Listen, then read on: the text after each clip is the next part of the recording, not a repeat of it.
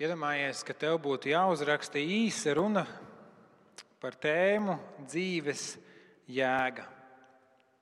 Un tev šī runa būtu jānolasa draugu vai ģimenes priekšā. Kas ir tas, ko tu tajā rakstītu? Cik daudz uzmanības tu tam veltītu, sagatavojot to? Vai tu būtu gatavs uzreiz stāstīt, vai tev vajadzētu kādu laiku?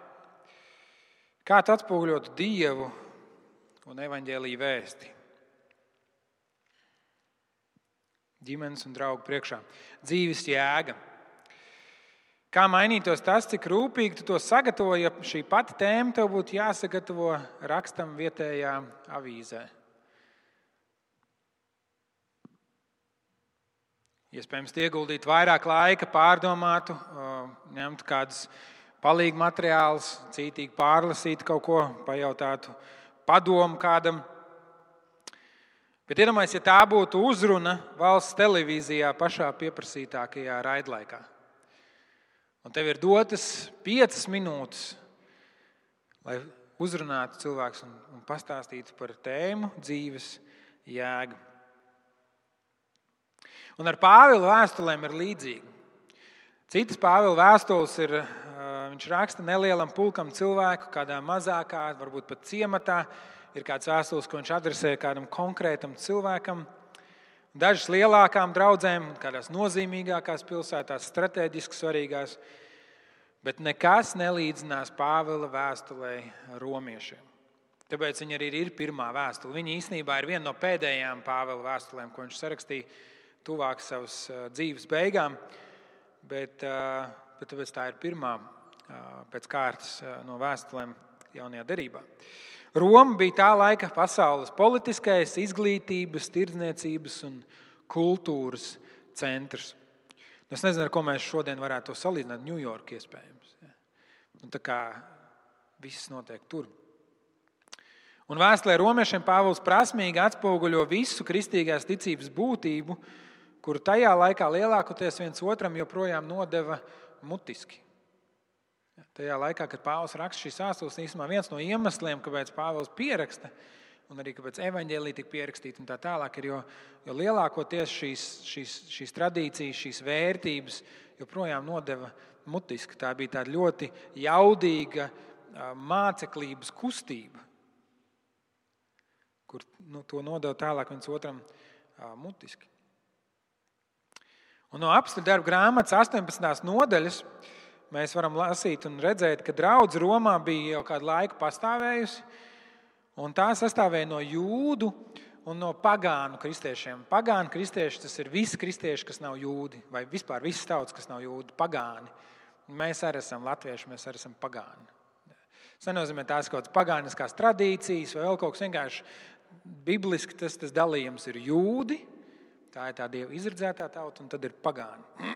Un Romā šī draudzene sastāvēja no, no abām šīm etniskajām grupām, no jūdiem, kas bija piedzīvojuši Kristu un noticējuši viņam, un no pagāniem, kas bija nākuši no, teikt, no malas. Un, un, tomēr kādā brīdī Romas imperators Klaudijs izdzina ārā no Romas visus jūdus. Tātad visiem, kas bija jūdi, bija jāatstāj Roma. Un, un apmēram pēc pieciem gadiem šiem jūdiem bija iespēja atgriezties. Un tā skaitā arī jūdu kristiešiem bija iespēja atgriezties Romā, un viņi to arī darīja. Un tad, kad viņi atnāca atpakaļ, pievienojās draudzēji, viņi sastapa draugu, kas bija ļoti attālinājusies no jūdu tradīcijām un prakses. Ja, tad mēs zinām, ka kristietība viņa sākumā piedzima. Kā, sākumā pat viņi neredzēja kā tādu atsevišķu ticību, kā atsevišķu reliģiju, bet viņi bija jūdisms. Ja, tie pirmie kristieši ticēja, ka viņi turpina to ticību, kas ir sākusies jau no, no, no tā, ka Dievs izredzēja Ābrahāmu un, un Izraēlu tautu, un ka tas ir, tas ir tas Dieva apsolītais mesija, kas piepilda to, un viņi neredzēja sevi kā kaut ko atsevišķu. Un te viņi atnāk, viņi redz, ka, ka visa tā prakse, visas tās uh, tradīcijas ir ļoti attālinājušās no jūdaisma un no tās viņa tautas. Un tas radīja lielu spriedzi. Un draudzē notiks čelšanās. Draudz, draudz sadalījās divās nometnēs, un tur nebija vienprātība par to, kā sekot Jēzum. To, ka Jēzus ir kungs, to viņi varēja vienoties. Bet, bet viņiem nebija vienprātīgi, kas tad īsti ir jādara. Viņi strīdējās par to, vai pagānu kristiešiem vajadzētu svinēt sabatu, vai viņiem vajadzētu ēst tikai košeru pārtiku, izvairīties no dažādiem nešķīstiem dzīvniekiem, tā skaitā cūgaļu, piemēram. Un viņi strīdējās par to, vai kristiešiem vajadzētu tikt apgaizītiem, kas bija viena no jūdas derības zīmēm. Ja, Pāvils tāpēc raksta šo vēstuli ar mērķi atkal apvienot šīs divas, šīs divas grupas, šo sašķelto draugu. Un no praktiskā viedokļa Pāvils cerēja, viņš pats to arī min, ka Roma, tā, ka viņš tur, tur būs nonācis, šī draudzene varētu būt kā tāds placdarms, kā tāds atspērienu punkts tālāk evaņģēlīja darbam, izplatībai Eiropā, un viņš konkrēti min Spāniju. Ja. Tad viņš cer, ka šī draudzene varētu atkal atrast to vienotību, to spēku, un ka tas varētu kalpot kā tāds atspērienu punkts, placdarms viņa misijai evaņģēlī izplatībā tālāk. Un tieši šie apstākļi mudināja Pāvilu izklāstīt savu vispilnīgāko skaidrojumu par evaņģēlīju. Labo vēstu par Jēzus dzīvi, par viņa nāvi un, viņa par, aug, un par viņa augšām celšanos. Un, un, un tiešām vēsture romiešiem ir, ir, ir, ir bagāta, piesātināta. Ar, ar, nu, tur liekas, Pāvils ir veltījis daudz laika, lai, lai, lai, lai nodefinētu, izteiktu. Um, to, to evaņģēlīju tādā. Nu, Romiešiem vēstule ir salīdzinoši gara, 16 nodaļas. Un, bet, ja mēs tā skatāmies mūsdienās, nu tā, nu, patiesībā tas ir viens brokastu lasījums. Tā, tā mierīgi, teiksim, varbūt darbdienā nē, ja darbdienā jāskrien, tur tā kafija jādzer ātrāk, bet teiksim, vienā brīvdienas rītā mēs varam uztaisīt lielāku krūzi kafijas un, un vēstuli romiešiem izlasīt tādā vienā piegājienā. Nu, liekas, nu, nav viņi tik gari, bet viņi ir tik piesātināti un, un, Un Pāvils tur ir ielicis daudz no sevis tādas um, enerģiju, lai, lai izskaidrotu, um, ko nozīmē um, ticēt Kristum. Un uh, viņš to dara, domājot par šīm divām grupām.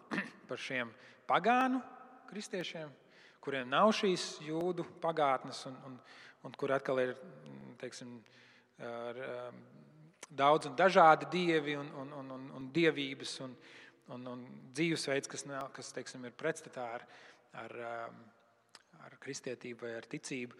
Un tad ir atkal jūdi, kuriem ir ārkārtīgi augsts standarts dažādās lietās, un, bet tāpat laikā varbūt ir lietas, kuras Jēzus ir nācis un piepildījis. Un, un arī tas ir jāierauga.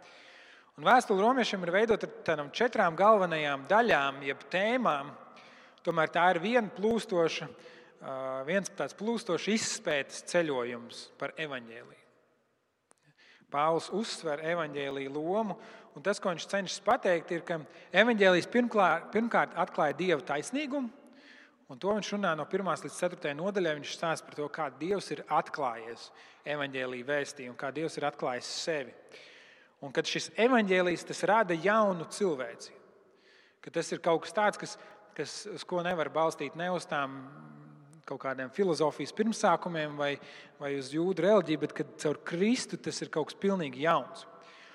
Un ka evaņģēlis piepilda dieva solījumu Izrēlam, ka tas, par ko piemēram jūdi tur um, uztraucās, un ka tagad tiek atmestas kaut kādas dievu, dievu pārāžas vai, vai bauslība, kad Pāvils aizstāv un saka, nē, ka, ka evaņģēlis patiesībā piepilda to, kas jums ir dārgs. Viņš neatņem no tā, viņš nevelk jūs projām.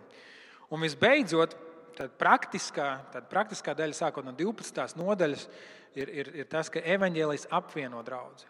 Ka evaņģēlijs ir tas, kas stāv pāri visam. Un es domāju, mūsdienās arī mums ir svarīgi to ieraudzīt un satvert. Ja ceļš mūsu mūsu sabiedrība ir ārkārtīgi satricināta par dažādām lietām. Ja mēs atceramies, Covid laikā bija šī spriedze par to, kā tad īsti būt. Un, un, un, un, un cilvēki atstāja draugus un draugus šķēlās pār šo politisko, medicīnisko jautājumu. Jā, tagad mums ir karš, mums ir politika, dažādi citas lietas, kas mūs mēģina polarizēt un, un, un, un stumt vienu no otru projām. Un es domāju, ka tā ir ienaidnieka stratēģija kaut kādā ziņā. Ja, kad stumt mūs vienu no otra projām un atrast iemeslu, kāpēc mēs uh, nebūtu kopā. Kāpēc mēs nebūtu vienoti, kāpēc mēs nebūtu viena draudzene, ja mums ir mēs stumjam, un, un, un šie iemesli var būt dažādi. Ja. Un šodien es gribu šīm, šīm četrām lietām kā, censties diezgan raiti iziet cauri, lai iedotu tādu pārskatu, un pēc tam jau sākot ar nākamo nedēļu, mēs soli pa solim rakstamies šai vēstulē cauri. Tad, tad evanģēlijas atklāja dieva taisnīgumu. Un, un taisnīgums um, tas ir tāds piesātināts vecās derības termins. Tas apraksta dieva raksturu, ka viņš vienmēr dara to, kas ir taisnīgs. Viņš vienmēr dara taisnību, to, kas ir labs, tīkams un pilnīgs. Mums cilvēkiem reizēm ir grūti to pieņemt.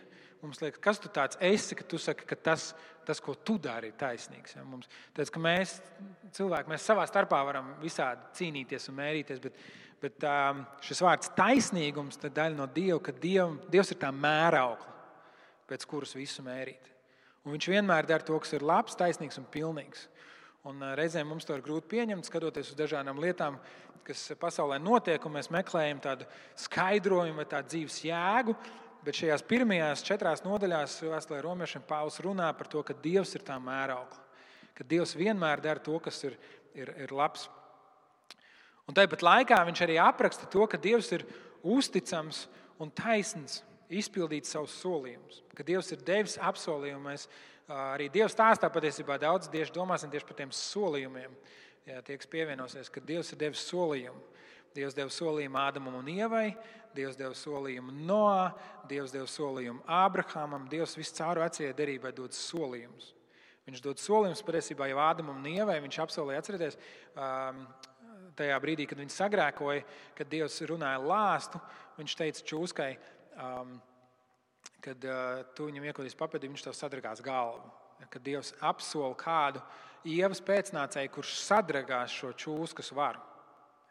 Un tas ir tas solījums, kur, kur Dievs piepilda, neskatoties to, ka viņš ir taisns. Un, un tā ir tā Bībeles um, tā, tā stāsta, tā galvenā problēma, ko Dievs risina. Kā viņš var būt pilnīgi taisns tiesnesis, Pilnīgi taisnīgs, kurš vienmēr ievēro savu mērauklu, kurš vienmēr dara to, kas ir patiesa, taisnīgs, godīgs.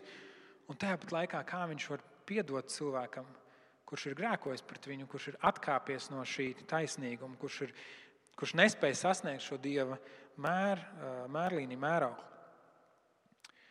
Un, bet Pāvils raksta, ka Jēzus evaņģēlijas atklāja, kā Dievs ir izdarījis abas šīs lietas. Ka viņš ir savienojis to savu taisnību ar žēlstību. Pāvils parāda, ka visa pagāna pasaule ir iestrēgusi grēka un egoisma spirālē. Cilvēks sirds un prāts ir salauzti, saka Pāvils. Mēs esam atteikušies no Dieva, lai, ap, lai pievērstos pie elkiem, kas nozīmē dzīves jēgas meklēšanu nevis radītājā, bet radībā. Cilvēks ir sācis pielūgt šo radību, un šīs pielūgsmes rezultātā cilvēka būtība ir izkropļota un uzvedība ir destruktīva. Un tāpēc visi cilvēki tiek atzīti par vainīgu, taisnīga Dieva priekšā.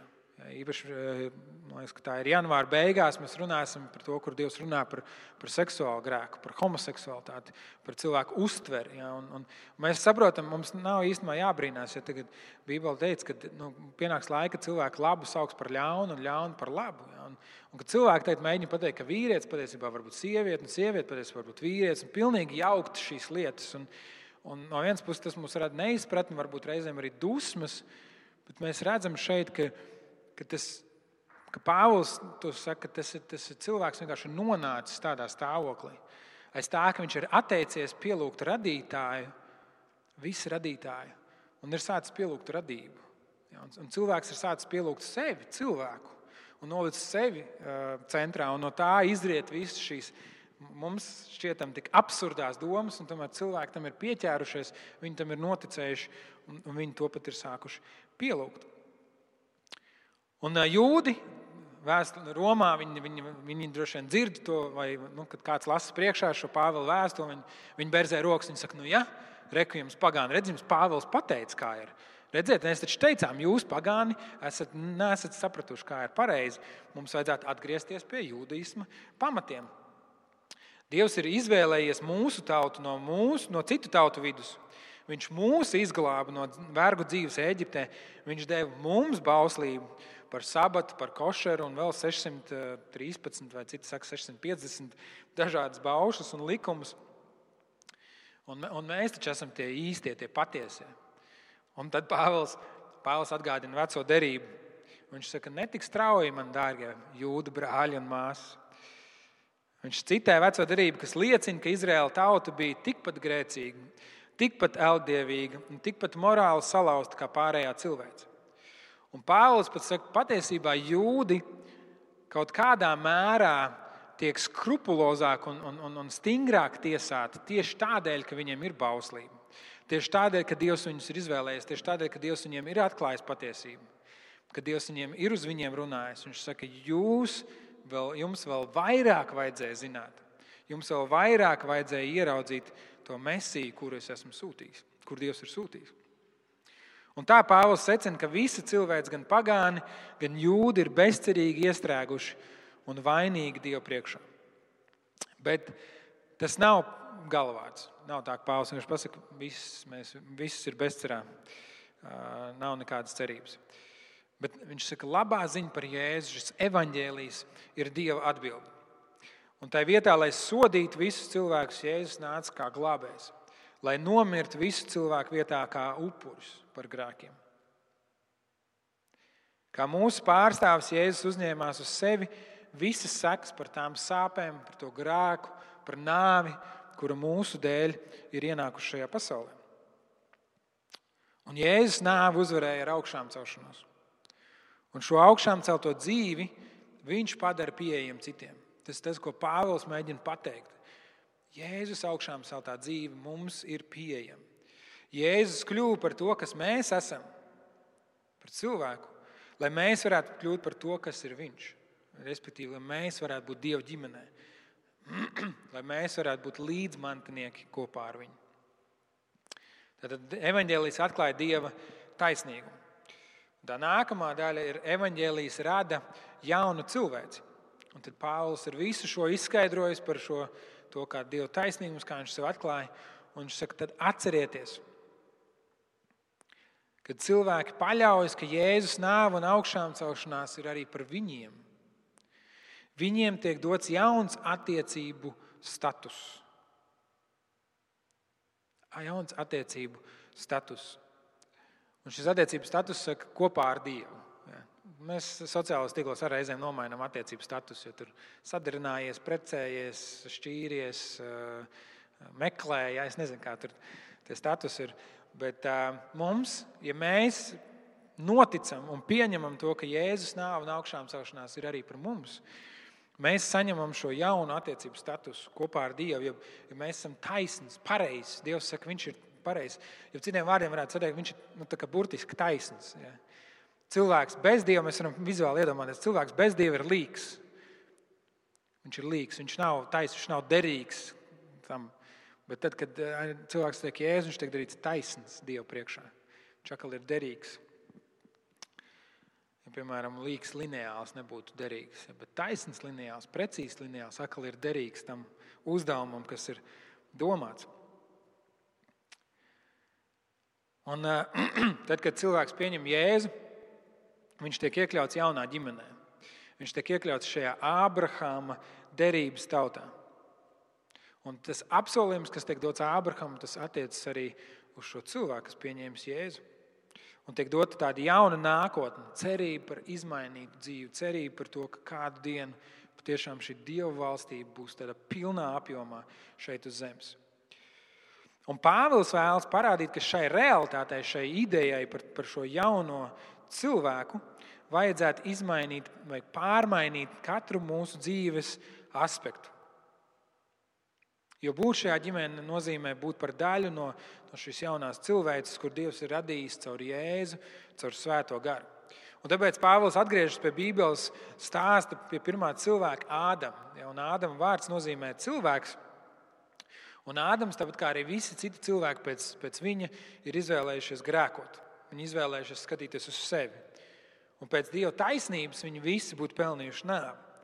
Bet tad Pāvils salīdzina Ādamu ar Jēzu, kur viņš dēvē par jauno Ādamu, jeb jauno cilvēku. kas dzīvojas uzticīgā paklausībā Dievam. Un šī uzticība Dievam izpaužas caur bezgrēcīgu dzīvi un caur viņa pašupurējošo nāvi pie krusta, par viņa mīlestību, ko viņš parāda pret cilvēkiem. Un Jēzus piedāvā savu dzīvību kā dāvanu citiem, lai tie varētu būt attaisnoti Dieva priekšā. Viņš saka, ka ir jauns cilvēks, kā jauns paraugs, ka ja, ja, savā veidā ir jauna ēra. ja mēs tā padomājam, mēs, ko mēs tikko nosvinējām, jauna gada sākuma, 2024. gads pēc pēc Kristus dzimšanas. Ja. Iedomājieties, ka pat patiesībā mūsu kalendārijā gadā mums ir šis atgādinājums par jaunu cilvēku. Mēs sākam jaunu gadu pēc Kristus. Ja. Manā dzīvē šis būs 21. gads pēc Kristus, ja, pēc tā, ka es sastapu Kristu. Jauns, jauns gads. Tas, tas kaut kas ir tik ļoti, kas pavērš, kas pārmaina. Pāvils atgādina Romas kristiešiem, ka izvēlēties sekot Jēzum nozīmē atstāt veco Ādamam līdzīgo cilvēku un uzvilkt jauno Jēzum līdzīgo cilvēku. Un viņš patiesībā rāda to, ka tas, ko mēs darām šajā dzīvē, šobrīd esot, tā ir, tā ir šī pārēja, tā ir šī cīņa.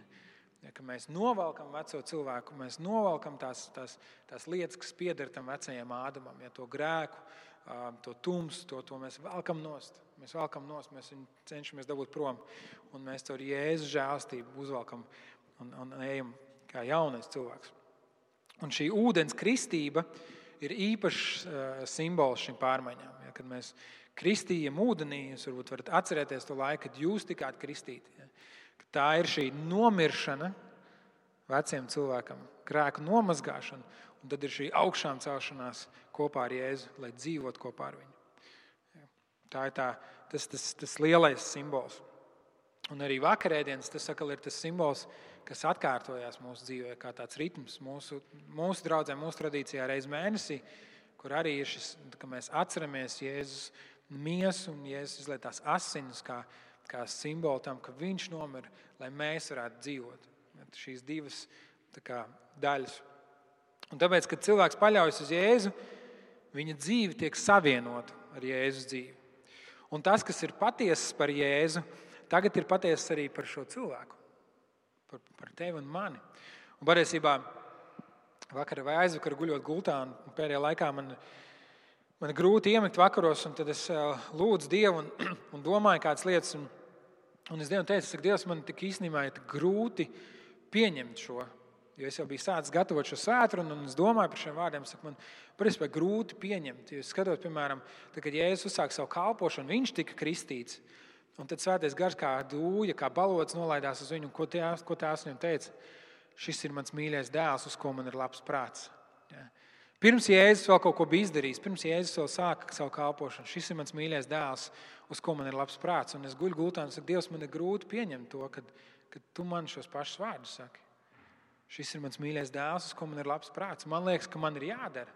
Un ka man ir jādara labāk, un es redzu, ka kādas lietas neizdodas, un kādas lietas nesokās. Un, un, un man liekas, ka man ir grūti nākt pie Dieva. Un es saku, Dievs, palīdzi man, palīdzi man to satvert. Palīdzi man to satvert, ka caur Jēzu šie vārdi ir arī par mani.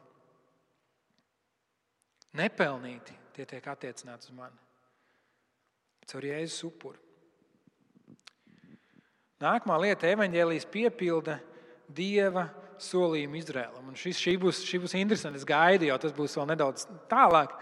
Jā, tas ir ap 9. nodaļu vairāk, bet nu, tā būs tāda interesanta, kur mēs runāsim par Izraēlu. Un, un tagad, kad notiek uh, Izraēla un, un Izraēlas un Palestīnas karš, cilvēki tiek atgād, cilvēkiem tiek atgādināts par šo. Un, un mēs jautājam, kāda ir nozīme Izraēla tautai mūsu ticības dzīvēm. Ja, Pāvils mums rāda, ka Dievs vienmēr ir izvēlējies kādu no Ābrahama ģimenes, lai turētu savu Ābrahamam doto solījumu, ka viņā tiks svētītas visas tautas. Ābrahamā tiks svētītas visas tautas. Un šis solījums tiek turpināts caur tiem, kas seko Jēzum. Caur tiem, kas seko Jēzum, caur kristiešiem. Un iemesls, kāpēc daudz jūdu noraida Jēzu, ir tas, ka viņi veido savas derības attiecības ar Dievu balstoties uz savu sniegumu, ievērojot baušus un bauslību. Un viņi ir tik ļoti norūpējušies, un Pāvils arī raksta šiem Romas jūdiem, jūdu kristiešiem, ka jūs esat tik ļoti norūpējušies, ka jūs ievērojat visas šīs tradīcijas, bet patiesībā viņš saka, jūs esat Ābrahama bērni pēc apsolījuma, nevis pēc miesas. Jo par Ābrahāmu ir teikts, ka viņš uzticējās Dievam, un viņam tas tika pielīdzināts par taisnību. Un šī apgaizīšana, par ko viņi tik ļoti cepās, patiesībā ir dota kā zīme pēc ticības. Ka ticība nāk pirms tam, un tas ir tas, par ko Pāvils runā. Un Pāvils apraksta dieva derības ģimeni kā tādu lielu olīvu koku. Un tie, kas netic Jēzum, tiek izlausti, bet pagāni ir kā meža zāri, kur tiek iepotēti ģimenes kokā. Un tomēr, un te ir tas noslēpums, ko es ja godīgi vēl neesmu līdz galam atklājis un sapratis. Tomēr Pāvils saka, ka vienā dienā Jēzus tiks atzīts arī no savas tautas puses. Viņš nepiedāvā nekādas detalizētas skaidrojumus par to, kad un kā tas notiks. Pāvils vienkārši uztic Dieva raksturam un solījumam, ka viņš neatsacīsies no saviem derības ļaudīm. Un te mēs paliekam tādā joprojām spriedzē, domājot par, par Izrēlu tautas lomu mūsu ticībā. Ja mēs saprotam, ka Ābrahama bērni ir tie, kas ir pēc apsolījuma, pēc ticības, un tomēr Izraēla tautai ir, ir liela loma tajā, kā Dievs piepilda to, arī Jēzus bija jūts. Arī Jēzus piedzima šajā tautā kā izrēlietis. Un, un tur ir tāds die, liels Dieva noslēpums. Pāvils iedrošina šos jūdzes. Viņš saka, Dievs nav jūs atmetis. Viņš saka, arī es esmu jūdzes. Un viņš saka, es biju dedzīgs savā farizējumā, un Dievs man atklāja, un Dievs man uzrunāja. Un visbeidzot, šī, šī praktiskā daļa, sākot no 12. nodaļas, kur, kur Pāvils raksta, ka pateicoties ticībai Jēzum, jūdi un pagāni tagad ir kopā. Tā ir Ābrahama ģimene, jaunā cilvēce, kas tiek pārveidota ar Dieva gara palīdzību. Un tāpēc vienīgā tāda saprātīgā atbilde tam, ka tu esi visu šo evaņģēlīju dzirdējis, ir tā, ka šie jūdi un pagāni kristieši kļūst par vienu vienotu draugu. Pāvils rāda, ka šī vienotība rodas no apņemšanās mīlēt un piedot viens otram. Un mīlestība izpaužas tajā, ka ik viens izmanto savas dažādas dāvanas, un talantus un spējas, lai kalpotu viens otram draudzēm. Pāvils raksta, ka šī vienotība prasa arī pazemību un atdošanu. Kad šīs etniskās grupas un dažādas kultūras pārstāvji sanāk kopā, tad neizbēgami rodas konflikts. Un es domāju, arī mēs to esam piedzīvojuši mūsdienu draudzē, kur dažādas paudzes sastopās un rodas konflikts. Tie, kas ir bijuši mājvietā no laika, kad mēs bijām vēl semināra draugi, jūs zinat, kāds bija šis posms, ejot tam cauri. Pāvils raksta, ka to var pārvarēt tikai caur nodošanos, piedot un smagi strādāt pie izlīkšanas, smagi strādāt pie vienotības. Tas ir veids, kā kristieši demonstrē pašu svarīgāko mīlestību. Tas ir veids, kā kristieši piepilda lielāko bausli - mīlēt Dievu un savu tuvāko kā sev pašu. Vēstule romiešiem ir ļoti dziļa un niansēta. Un zem katras no šīm lielajām sadaļām ir vesels nodaļas, pilnas ar dievu gudrību un atziņas bagātību. Un mēs varētu sēdēt un saka, košļāt pantu pēc pantam un rast to, ko Dievs runā uz mums. Tomēr tā nav vienkārši tāda sausa teoloģija, lai tā izglītotu mūs, un mēs tagad zinātu, nu, kāda tad ir evaņģēlīja prezentācija, tā var teikt. Bet Augustīns, Mārtiņš Luters un Džons Veslijs šajā vēstulē ir smēlušies iedvesmu un pamudinājumu savai garīgajai atmodai. Jēzus evanģēlijas atklāja Dieva taisnību, un Jēzus evanģēlijas arī padara mūs par jauniem cilvēkiem Kristū. Jēzus evanģēlijas piepilda Dieva apsolījumu Izraēla tautai. Un, un vēstulē, vēstulē romiešiem Pāvils parāda, ka šis Dieva darbs ir tas, kas veido draugu, tas, kas ceļ draugu, tas, kas ir par pamatu draudzēji. Un ka tas ir svarīgāks par mūsu etnisko piedarību, par mūsu pagātni, par mūsu pieredzi, par mūsu kaut kādiem priekšstatiem, par mūsu viedokļiem, par mūsu politiskajiem preferencēm. Viņš saka, ka evaņģēlijs ir tas, kas ir pāri visam, kas ir svarīgāks. Un Pāvils cerēja, ka, ka, vēstu, ka draudz Romā būs šis, šis atspērienu punkts viņa um, kalpošanai, misijas darbam, evaņģēlīja pasludināšanai tālāk Eiropā līdz pat Spānijai. Bet viņš saprata, lai tas notiktu, ir nepieciešams šis priekšnoteikums tam, ka draudzene Romā patiesi satver evaņģēlīju. Ka draudzene Romā nav sašķelta, bet ka viņi demonstrē Dieva spēku, kas ir pāri šīm atšķirībām. Un tad es domāju par atšķirībām mūsdienās. Un mūsdienās ir ārkārtīgi viegli aiziet citur un aiziet prom, tad, kad rodas domstarpības. Vai pat tad, kad kaut kas nenotiek pēc mūsu prāta.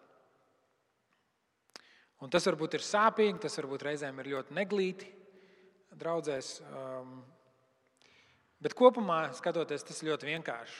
Ka man nepatīk, es eju un daru savu, vai meklēju kādu, kas varbūt man vairāk, mazāk runās pretī un vairāk uzsitīs uz pleca. Un tajā, tajā laikā tas bija ne tikai grūtāk, jo draudzene bija viena draudzene, Kristus draudzene. Un katras šķelšanās un domstarpības vājināja draudzeni. Bet īpaši apstākļos, kur draudzene tika um, vajāta, kur draudzene visādi tika izaicināta, viņi saprata, ka viņi nevar atļauties būt sašķelti. Pāvils saprata, ka viņi nevar atļauties, ka, ka draudzene Kristu ir sašķelta. Ka draudzene ir jābūt stiprai.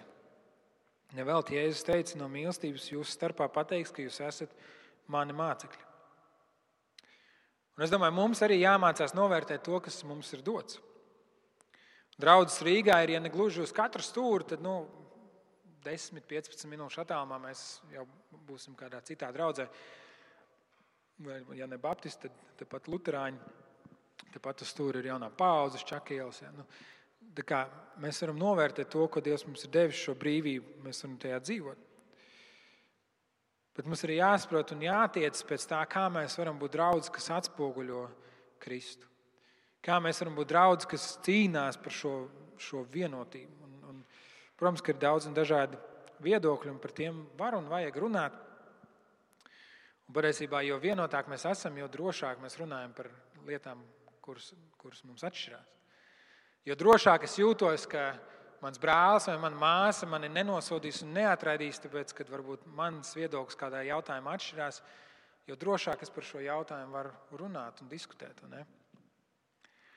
un mēs, mēs nedzīvojam vajāšanas apstākļos, bet tomēr ir skaidrs, ka mēs esam minoritāte. Mums tas ir jāpieņem. Es domāju, jo ātrāk mēs to pieņemsim, jo veiksmīgāk mēs būsim savā savos centienos pasludināt evaņģēlīju. Jo ātrāk mēs sapratīsim, ka kaut kādā ziņā šī draudzes ietekme Latvijā ir mākslīga, baznīcas ietekme, es domāju, ir mākslīga, jo ātrāk mēs sapratīsim to savu uzdevumu ikdienā, būt starp cilvēkiem, kur Dievu nepazīst. Un reizēm mēs, protams, no vienas puses tā ir liela svētība, ka mums ir biskupi un baznīcas vadītāji, kur var uzstāties sabiedriskā televīzijā, kuri, kuriem ir liela ietekme teiksim, politikas gaitiņos un, un politikas veidošanā. Bet ar vien vairāk mēs saprotam, ka tas jau nav tas, kas izmaina šo pasauli. Vairāk mēs saprotam, ka tas jau nav tas, caur ko Jēzus ceļ savu draugu. Tā ietekme dien, dienā, kas ir kristiešiem, mums, kā Kristus draugai, ir tā, caur kuru Dievs veido savu draugu. Un cilvēki mūs vēro. Cilvēki klausās mūsu sagatavot uzrunu, sagatavot uzrunu par dzīves jēgu. Un tas jautājums ir, vai mūsu vēstījums varbūt nav tajā brīdī tik būtiski, vai tā auditorija tev ir tava ģimene un draugi, vai tā ir iespēja uzrunāt kādu plašāku auditoriju, caur rakstītu vai video vai kādu citu mēdīju, vai varbūt kādam no mums Dievs arī dos iespēju runāt politiskā līmenī un valsts līmenī. Bet tas jautājums ir, vai mūsu vēstījums atspoguļo to, ko Dievs ir teicis par sevi savā vārdā. Vai mūsu dzīve saskana ar evaņģēlijā pausto patiesību? Vai mēs esam tie, kuri ikdienas paklausībā Kristum iet šo nomiršanas ceļu veciem cilvēkam un augšām celšanās ceļu jauniem cilvēkam? Vai mēs esam tie cilvēki, kuri dienu no dienas iet un cīnās par šo evaņģēlīju patiesību? Nevis meklē kādu grupiņu, kurai pieslieties, vairojot šo šķelšanos gan draudzēs, gan sabiedrībā. Cilvēki mūs vēro, viņi klausās. Mēs esam tās bībeles, kuras viņi lasa ikdienā. Un tas jautājums arī mums, ejot cauri šai vēstulē, romiešiem, ir, kas ir tas, ko viņi izlasa. Lai Dievs palīdz mums šo vēstuli lasot un studējot, ka mēs arvien vairāk atspoguļojam to, kas Viņš ir.